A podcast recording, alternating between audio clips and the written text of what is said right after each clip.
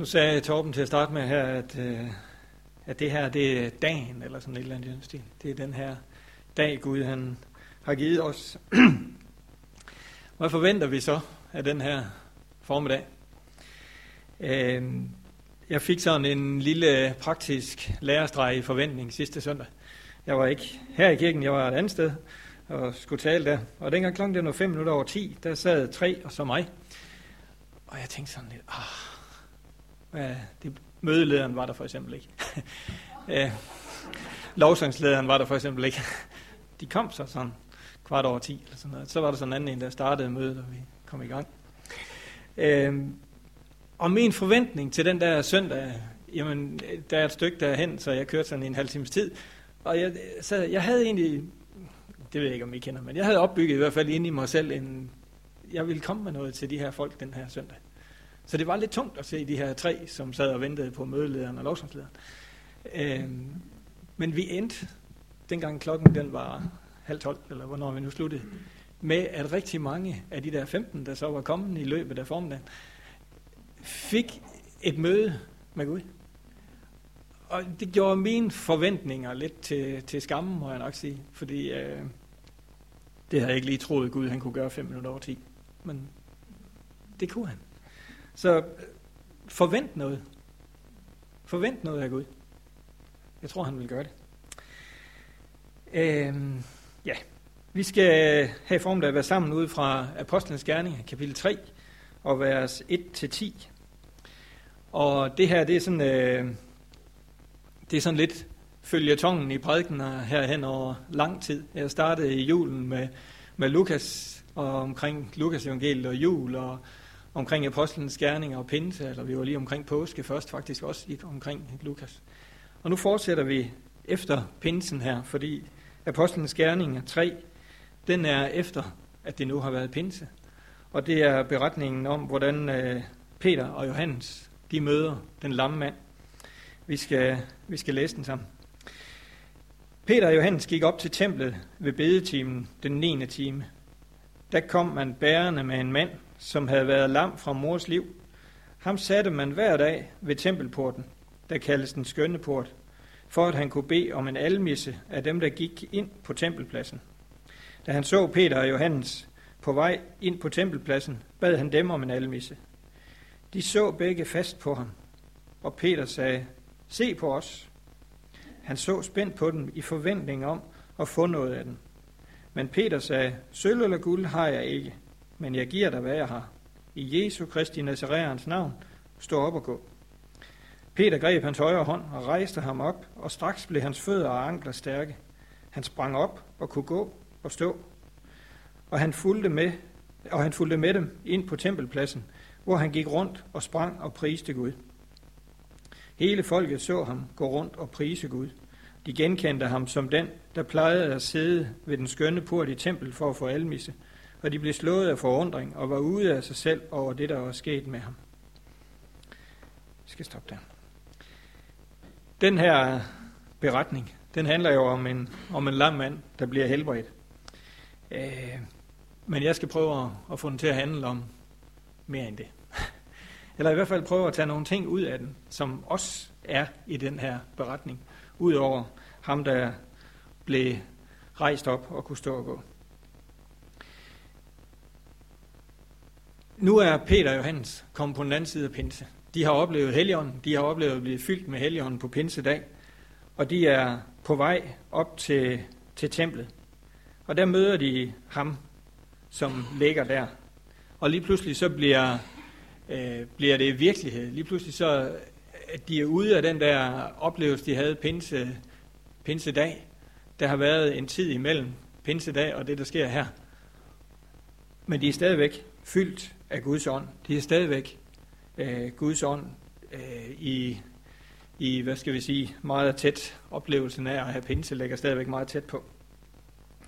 Men det er ikke ændret ved, at de faktisk var på vej op i templet for at bede ved den 9. time. Og det var faktisk grund til, at de bad der, det var der, Jesus han sagde, det er fuldbragt. Så de besluttede sig for, at de ville gå op i templet og bede. Og det var sådan en ting, som vi også har været inde på i et par af de andre gudstjenester, at det havde Peter sørget for, at de kom sammen og bad. Peter han havde været en del af det der bønnefællesskab. Og det var han også, selvom han havde oplevet pinsen. Selvom han havde oplevet at blive fyldt med helligånden, så var han ikke over alle bjerge. Han var stadigvæk en del af det der fællesskab, der samledes for at bede ved den 9. time. Øh, det havde ikke taget betydningen væk fra bønden, at han havde oplevet helligånden. Han havde ikke, han havde ikke fået den der indstilling, nu har jeg mødt Guds ånd, nu, nu er det bare fantastisk, nu behøver jeg ikke at bede længere. Han var stadigvæk sammen med de andre for at bede, da han var på vej der og møder den lamme mand. Og lige præcis den her beretning om, at den lamme mand han bliver helbredt, hvorfor er den øh, blevet en del af Bibelen? Der står rigtig mange andre steder i apostlenes gerninger om folk, der blev helbredt, og folk, der blev sat fri af onde ånder og alt muligt. Men lige præcis den her episode er taget frem og rimelig detaljeret beskrevet, hvor der var rigtig mange andre mennesker, der også mødte Guds kraft til helbredelse. Så et eller andet sted, så må der jo ligge noget i den her beretning, tænker jeg, som vi har brug for at vide. Der må jo ligge noget, som er vigtigt for os i det, der sker her. Det er ikke bare sådan en, så går vi videre ting.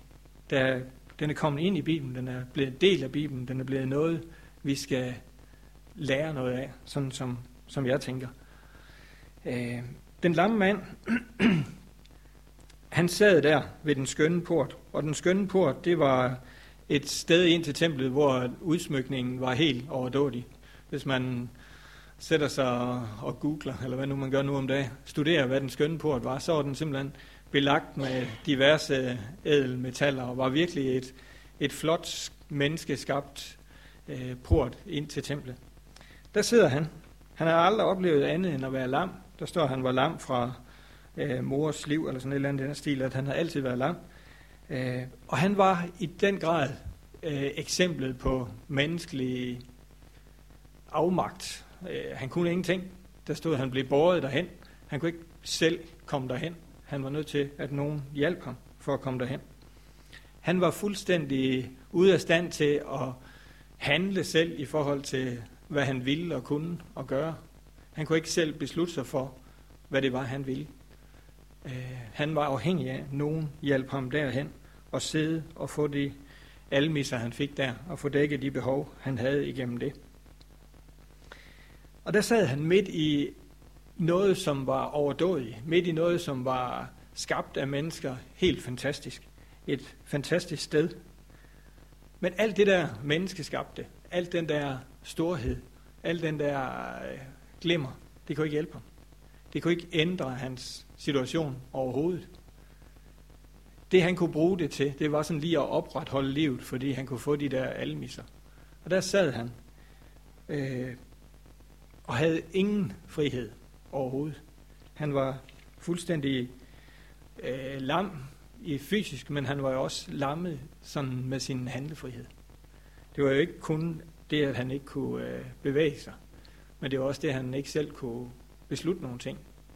Den form for at være lammet, øh, han oplevede der. Vi skal prøve at, at trække noget ud af den her beretning i formiddag om, hvad der kendetegnede den her kirke, som var startet. Den første menighed. De første kapitler i Apostlenes Gerninger handler jo om, hvordan den første menighed var og blev til, og hvordan den voksede, og hvad det var for nogle ting, øh, der skete omkring den. Og jeg tænker lidt, de ting, som kendetegnede den kirke, det vil jeg også gerne kendetegne mig og den kirke, jeg er en del af. Så hvis nu vi kunne lære noget af den, hvis nu vi kunne lære noget af det, der skete i de første øh, kristnes tid her, så tror jeg, vi, øh, vi kan have glæde og gavn af det.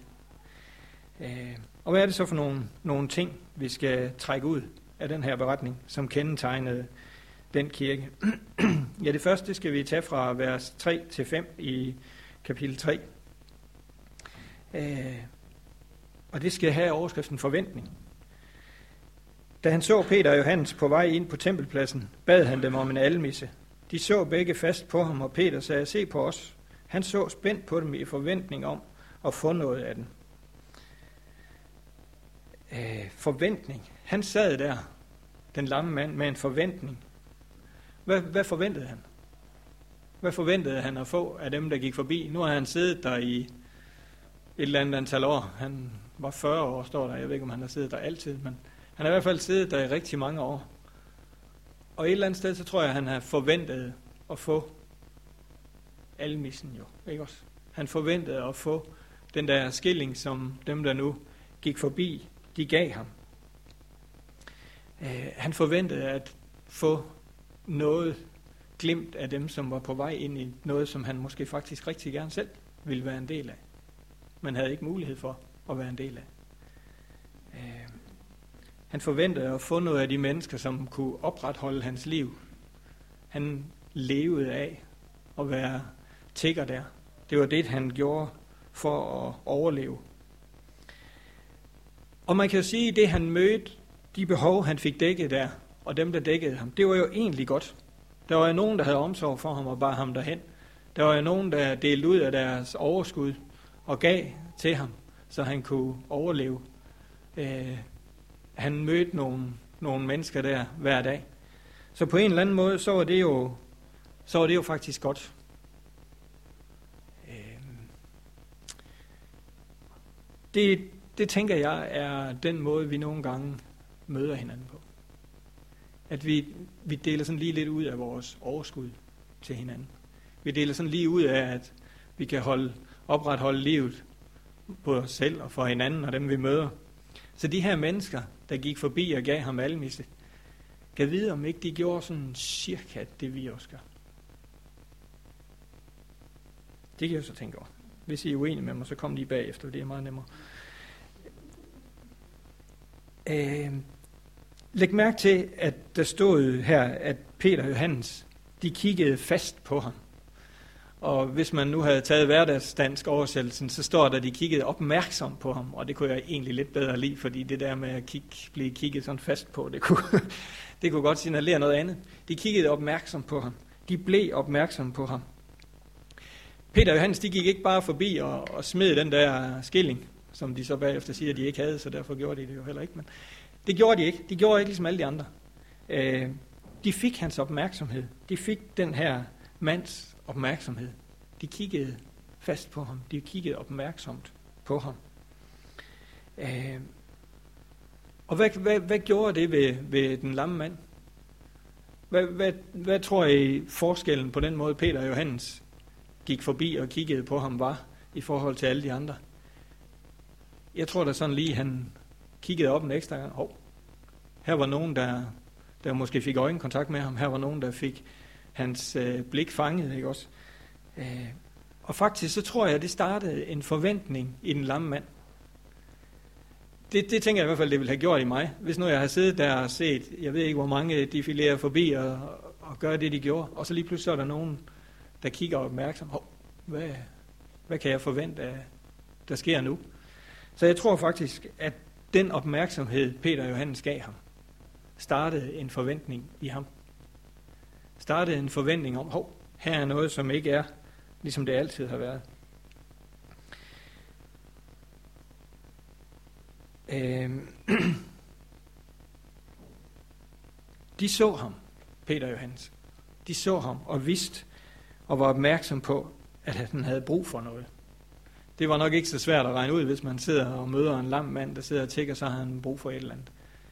Men de så igennem, hvad det var, han havde brug for. De så igennem alle de der normale behov for overlevelse, han havde brug for. Jeg tænker, kan vi skabe den samme forventning hos mennesker, vi møder, som Peter og Johannes var i stand til at skabe hos den lamme mand? Kan vi skabe den forventning hos mennesker? Og skaber vi den forventning hos mennesker? Eller rækker vi dem bare skillingen?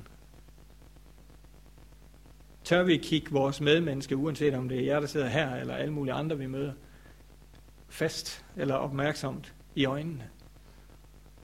Og så skabe den forventning. For jeg tror faktisk, at det var præcis det, der skabte forventningen hos den lamme mand. At han blev set, at han blev mødt af det der blik, der sagde, vi kan godt se, hvad du har behov for. Vi kan godt se, at du har behov for mere end, end skillingen og bare at overleve. Det fantastiske her ved, ved Peter og Johannes, det er jo, at de kiggede på ham med det blik, fordi de vidste, hvad de havde at give ham. Øh, de, de, de kiggede på ham og var opmærksomme på ham, tror jeg, fordi de vidste, hvad de havde at give ham. Og de var klar over, hvad det var, de kunne række ud til ham. Øh, det tror jeg var hele øh, hemmeligheden i, at de kunne kigge på ham med det blik. At de kunne se ham i øjnene opmærksomt og fast. Øh, de stolede på, at det, de havde at kunne give ham, var så meget bedre, end det alle dem, der havde gået forbi ham de sidste mange år, kunne give ham. Øh, de vidste jo, går jeg ud fra, at de ikke havde den der skilling i lommen. Guld eller sølv har jeg ej, stod der længere hen. Det tror jeg godt, Peter Johannes vidste, at de ikke havde at kunne give ham. Så det er jo ikke fordi, de kunne kigge ham i øjnene og sige, nu skal du se her, nu får du en blankosjek, der rækker til de næste år i dit liv. Det var, ikke, det var ikke det, de vidste, de kunne give ham. De vidste, de kunne give ham et møde med Gud. Den, den tillid kiggede de ham i øjnene med. Den tillid til Gud. Og den forventning, den tror jeg, Peter og Johannes, den tillid tror jeg, de havde fået igennem selvfølgelig at have vandret med Jesus, igennem at have oplevet det, de havde oplevet med Jesus, og igennem at have oplevet det, de havde oplevet pinsedag. Igennem alt det der havde de fået bygget en tillid til og en forventning om, hvad Gud han kunne, kunne gøre ved mennesker omkring dem. En tillid til, at de havde noget helt fantastisk, som de ville dele ud af. En tillid til, at når de talte på Guds vegne med Helligånden i rygsækken, havde han sagt, så skete der noget. Vi skal, vi skal lidt senere ind omkring, hvordan Peter han rækker ud til den lamme mand. Men I må godt få en smagsprøve her. Den tillid, det krævede, den kan jeg lige sidde og fundere lidt over, inden jeg graver lidt i den. Oplever vi, at vi bliver mødt af kirken og af hinanden med et opmærksomt blik, der skaber den der forventning om, hvad Gud har til os. Og oplever vi at møde andre med det blik, som Peter Johannes mødte den lamme mand med. Har vi den tillid til Gud, som det på et eller andet sted kræver at møde mennesker med det her blik? Jeg synes, det blev vældig udfordrende for mig at tænke over, hvad der ligger i måden Johannes og Peter møder den lamme mand her. Og tænke over, jamen, hvad er det, hvordan er det, jeg møder mit medmenneske, uanset hvor det er han. Møder jeg det og ser, ser mennesket og ser ind igennem det behov. Og igennem det blik skaber en forventning hos den, jeg møder. Jeg tror, at den første menighed, den første kirke, var fuld af forventning var fuld af forventning til, hvad Gud han kunne udrette, hvad han kunne gøre. Det må de næsten have været, når man tænker over, hvad de er kommet ud af, og hvad de er været igennem, indtil vi, vi møder dem her, og møder Peter og Johannes her. Jeg har lyst til, at Gud han starter og tænder den forventning i mig. Jeg har lyst til at, at, at få så meget, øh, hvad skal vi sige, være så tæt på Gud, at jeg tør række ud til den lamme mand og gøre som Peter og Johannes. Men det startede med, at de kiggede ham i øjnene fast og opmærksomt. Vers 6 og 7, der står, Men Peter sagde, sølv og guld har jeg ikke, men hvad jeg har, giver jeg dig. I Jesu navn, i Jesu Kristi Nazareans navn, stå op og gå. Peter greb hans højre hånd, rejste ham op, og straks blev hans fødder og ankler stærke. Det her det er jo sådan kernen i, i den her beretning, at manden han bliver helbredt, at han bliver stærk i sine ben og kan rejse sig op og gå. Og det er jo et fantastisk billede af, at himlen møder jorden. Han har sagt, at himlen, Guds, øh, Guds rige møder, møder den her mand i et glimt af kraft, så han bliver helbredt. Øh, og det, det, der sker her, det kunne den skønne tempelport og alt det menneskeskabte overhovedet ikke gøre. Det behov manden han får løst her, det var der ingenting af alt den pragt og rigdom og alt det menneskeskabte rundt om ham, der kunne gøre. Og jeg synes, det er kendetegnende, at Peter han starter med at sige, sølv og guld har jeg ej. Alt det, som du er vant til at sidde midt i her, både i forhold til den fantastiske udsmykning på templet, og alt det, du plejer at få af mennesker her, det har jeg ikke. Alt det, du egentlig sidder her for, det kan jeg ikke give dig. Det er ligesom, det er ligesom udgangspunktet. Jeg tænker, at næste gang jeg møder mennesker, jeg skal bede sammen med eller bede for, så vil jeg sige, det du regner med, at du skal have, det får du ikke. Nu skal du se her. Men det er jo egentlig en, en fantastisk... Han, han, han fjerner fuldstændig fokus fra det, manden han forventer. Han fjerner fuldstændig fokus fra det, han regner med, at han skal have. Øh, og han, han, han går fuldstændig imod det, som han sidder midt i. Fuldstændig imod det, alle de andre gjorde. Altså, jeg forestiller mig, at de er på vej derind, og der går en hel række, og Peter han har jo også set, at der bliver delt almisser ud, for der sidder jo garanteret flere end den ene lammand her. Og han går helt imod strømmen. Han gør fuldstændig noget andet, end det alle de andre har gjort. Øhm, det synes jeg er tankevækkende. Det eneste, han kunne give manden, det var det, han havde fået fra Jesus. Det var det, han havde øh, med sig i forhold til, at han havde mødt Guds ånd på pinsedag, og at han havde gået sammen med Jesus, og at han havde den der tillid til, at Jesus han kunne stille de behov for mand, som han virkelig havde brug for, der blev stillet. Øh, der fortælles en, en historie om en katolik, der var på vej hen til paven. Jeg ved ikke, om det er sådan noget, man bare lige kan gøre, men det var han i hvert fald. Han kom ind til paven, og paven han sad og var ved at, at tælle en hel masse penge. Og så siger paven, ja, vi kan jo ikke sige, som Peter, sølv eller guld har vi ej. Det var ligesom, vi har mere end det, ikke? Og så siger katolikken mand, der, der er på vej hen til paven, nej, og vi siger heller ikke stå op og gå. Sådan en, en lille sjov, tankevækkende vinkel på, at når vi løser behovene med det, vi har, jamen så er der måske en, et dilemma i forhold til, at Gud han kan få lov til at løse behovene med det, han har. Øh, står vores egne midler i vejen for, at vi løser behovene, som Peter og Johannes han, de gjorde her. Den, den helbredelse, manden han oplever, det er jo en, en helbredelse, som er hans fysiske helbredelse, men det er også en helbredelse, som helbreder rigtig mange andre ting i ham. Øh, rigtig mange andre, Øh, jeg sagde før, at han har mistet sin handlefrihed. Den får han jo igen. Så det, det løser jo mere end det, at han bare kan, han kan, eller at han bare kan gå. Det løser jo også, at han kan fungere, at han bliver fri, at han bliver i stand til at være en del af, af det, han nu kan være en del af, når nu han ikke er begrænset af sin lammelse længere. Øhm, og nu skal vi prøve at, at, at lige tilbage der, hvor jeg var før om, hvordan er det, Peter han rækker ud til den her mand. Øh, det står i vers 7.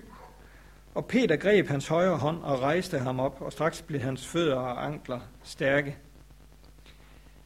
Jeg tænker, det er jo en, det er jo en rimelig direkte måde han, han, han sætter sig ikke ned ved siden af ham og beder for ham og, og venter på, at der sker noget.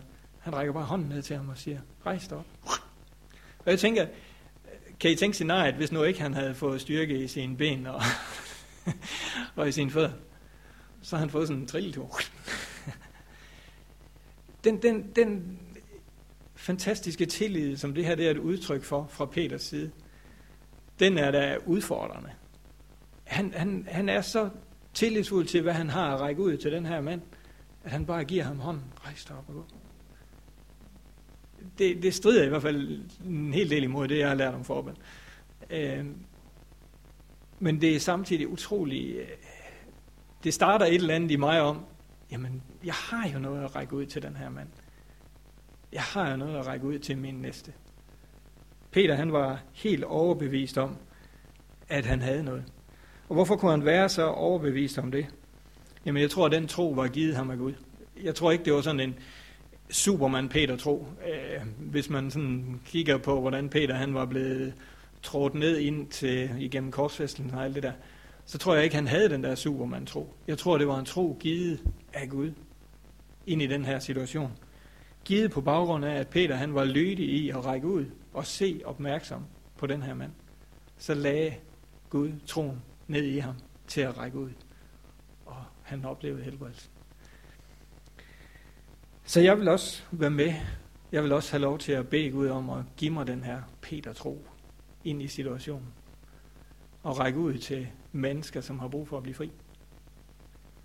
Jeg tror ikke, Peter havde noget, vi ikke har i dag. Det kan jeg ikke læse mig frem til i Bibelen i hvert fald, at der står her med sluttet apostlenes velsignelse og ikke givet videre siden. Jeg tror ikke, Peter havde noget, som vi ikke har i dag. Så helbredelse, både på det fysiske plan og på rigtig mange andre plan, var en del af den første menighed. Det sidste, vi skal have frem i dag, og så fortsætter jeg faktisk den her prædiken om 14 dage her, øh, det er glæde. Glæde. Hvor er glæden henne i den her beretning? Jamen glæden er jo i manden, der blev helbredt selvfølgelig. Han har fået et nyt liv, både på det ydre og på det indre plan. Og det betød, som jeg sagde før, at han var blevet forandret på alle områder. Det var ikke bare sådan, at nu kunne han, nu kunne han gå og stå, og så fortsatte han med at tække ved den skønne port. Det forestiller jeg mig i hvert fald ikke. Han var jo blevet helbredt på rigtig mange andre plan end det fysiske, fordi han lige pludselig havde fået nogle nye muligheder. Han kunne arbejde for eksempel. Jeg tænker, hvordan må det være at gå fra det liv, han havde, og så sådan lige fem minutter senere, så er han i stand til at egentlig tjene sine egne penge, hvis det var det, han havde brug for. Øh, han kunne være en del af fællesskabet. Han behøvede ikke at være afhængig af nogen, der ville bære ham hen og sætte ham derhen længere. Det må da have givet ham virkelig et nyt, en ny mulighed i livet. Han havde mødt Gud og vidst, at han var der. Og han havde mødt nogle mennesker, som opmærksomt havde mødt ham med Guds kærlighed. Det tror jeg også havde frigjort en glæde i ham. Og hvad gjorde han så med, med den her glæde? Hvad gjorde han med den her glæde? Jamen han udtrykte den. Der står fra vers 8 af, han sprang op og kunne stå og gå, og han fulgte med dem ind på tempelpladsen, hvor han gik rundt og sprang og priste Gud. Øh, ja. Han gik rundt og sprang og priste Gud. Og faktisk så står der ingen steder, at øh, Peter og Johannes var farvet på ham. Over at han sprang rundt der og priste Gud. Det, det står der faktisk ikke. Der står egentlig heller ikke, at der var nogen andre, der var farvet på, at han udtrykte sin glæde på den måde. Det var sådan lige før Lise, hun skulle hive os i gang med at klappe, ikke også, for at vi sådan udtrykte lidt, lidt glæde, ikke også. Manden her, han fik givet udtryk for, for sin glæde ved at springe rundt og ved at, øh, ja, ved at bruge det, han lige havde fået. Og det kan man jo sige, det var jo, det var jo fantastisk fra at sidde og ingenting kun, så kunne han springe rundt og prise Gud, og det var det, han brugte det til. Det var det, han brugte det til i sit udgangspunkt allerførst. Og hvad bruger Peter Johannes så det her til? Jamen, der står i versene her, at, at dem rundt om ham blev forundret. De blev forundret over, at han kunne øh, springe rundt der. De vidste godt, hvem han var. Og det er der vel ikke noget at sige til, hvis de her mennesker, de er kommet i templet i lang tid, og han havde siddet der i alle de der år, så vidste de jo godt, hvem den lamme mand han var. Og de kunne, han var nok ikke blevet forandret i ansigtet, forestiller jeg mig. Så de kunne jo godt genkende ham. Og de må have, de må have måbet en lille smule, når nu, at de så ham springe rundt og give udtryk for sin glæde. Og faktisk så bruger Johannes og Peter det, at han udtrykker sin glæde på den her måde, til at forkynde evangeliet bagefter. Til at sætte streg under. Se, hvad Gud han har gjort. Se her, den her mand, han springer rundt og priser Gud. Fordi Jesus han har rurt ved ham. Den her glæde, den var i høj grad et udtryk, eller var i høj grad med til, at nogle mennesker fik øjnene op for, hvad der skete. Hvis nu han havde siddet og tænkt, dengang han havde prøvet at stå på sine ben, ah, sætter mig lige igen, og så øh, sidder jeg her. Så havde de ikke set det. Så havde de ikke set, hvad der var sket med ham. De havde ikke set det møde, Gud han havde givet ham. Der står øh, længere hen, at 5.000 blev frelst på baggrund af den her forkyndelse, Peter og Johannes har oven på den her helbredelse. det, at vi giver udtryk for vores glæde over, hvad vi øh, har fået af Gud, det er ikke uvæsentligt. Her blev det til frelse for rigtig mange mennesker. Her blev det løftestangen for, at Peter og Johannes kunne forkynde evangeliet. Så jeg tror ikke, det er uden betydning, når der står, at han sprang rundt og priste Gud. Hvad ser mennesker, når de ser dig og mig? Ser de os prise Gud for det, vi har i ham? Eller ser de, at vi er godt nok glade? Ja, det er vi. Vi er rigtig glade. Jeg tror, at glæden over, hvad vi har fået, er vigtig. Jeg tror, udtrykket af, øh, udtrykket over for andre mennesker, hvad de ser, er vigtigt. Og nu er jeg en meget, meget, meget, meget sindig vestjyde, og jeg er meget, meget, meget, meget ud over mine grænser, og, og sådan gøre som manden her, der har hoppet. Jeg, jeg tænkte faktisk på, om jeg skulle hoppe og springe lidt rundt, men det havde jeg ikke lige frimodighed til. men jeg tænkte på det, det ved I så. Så det, det, det lægger lidt fjern for mig. Jeg, jeg skal arbejde med det i mig selv. Men øh, det er jo det fantastiske ved at få lov at arbejde med Bibelen på den måde, jeg har lov til lige nu. Så går der nogle ting op for en. Det er faktisk vigtigt. Jeg har faktisk ikke lige før jeg gik ind i den her beretning og arbejdede med set, at det var det, han gjorde, glæden han udtrykte, der blev løftestangen for den måde, Peter og Johannes forkyndte på bagefter. Det er ikke ligegyldigt, om vi giver udtryk for vores glæde. Jeg tænker jo, hvad var det, den her mand han fik? Han fik øh, hvad hedder det, friheden tilbage i at kunne gå og stå. Øh, lammelsen i hans krop forsvandt. Og så tænkte jeg på, har den her mand, den lamme mand, fik han noget, som du ikke har? Fik han noget, som du ikke har? Fik han noget at glæde sig over, som jeg ikke har, og du ikke har? Øh, nu havde det selvfølgelig ikke været så godt, hvis der sad nogen, der var lam ham, men det gjorde det så ikke. Øh, det gjorde han jo ikke. Han fik bare den frihed, som du og jeg også har. Han fik bare den frihed, som du og jeg også har. Han blev så glad for den, på den baggrund, han fik den, at det udløste den her overstadige glæde. Øh, hvad udløser det i os? Fatter vi, at det er den frihed, den lamme mand har, den lamme mand fik, at du og jeg også har? Den frihed, vi har i, i det, vi kan, men også den frihed, den handlefrihed, han fik. Den har vi jo også. Og det synes jeg måske en anden sted, vi, er, vi kan glæde os over. Der var en, en mand, der skulle undervise en hel masse bibelskoleelever, og så sagde han til dem, hvis en tiende del af det, der står i Bibelen, er rigtigt, så burde de være 10 gange så glade, som I er nu. Hvis en tiende del af det, der står i Bibelen, er rigtigt, så burde de være 10 gange så glade, som I er nu.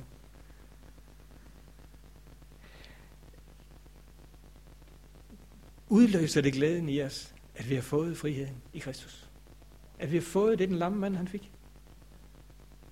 Og faktisk så, så, så gik min tankerække lige lidt videre og tænkte, jamen, jeg har ikke bare fået det, den lamme mand han fik. Jeg har faktisk også fået det, Peter og Johannes de havde. Jeg har faktisk også fået det, Peter og Johannes havde. Nemlig mødet med Guds ånd, og få lov til at række ud og se mit medmenneske, min næste i øjnene, og række Guds kærlighed ud til. Så ikke bare har jeg fået det, den lamme mand har fået, jeg har også fået lov til at række ud, som Peter og Johannes gjorde. Det bliver glæden og udfordringen, der er ikke mindre af. Som sagt, så vil jeg fortsætte ud fra de her vers om 14 dage, når jeg skal tale her igen. Og der bliver det evnen til at forundre os, som jeg tror også den første kirke havde, og kaldet til at vidne, som jeg tror også den første kirke havde vi skal være sammen om. Jeg tænker her i formiddag, at der sidder nogen, der tænker ligesom den lamme mand. Der tænker ligesom han tænkte, da han sad der. Jeg sidder her i faktisk rigtig fine omgivelser, omgivet af mennesker, som støtter og bærer mig. Det var han jo der. Han var jo omgivet af mennesker, som bar ham derhen, som støttede ham, gav ham det, han havde behov for.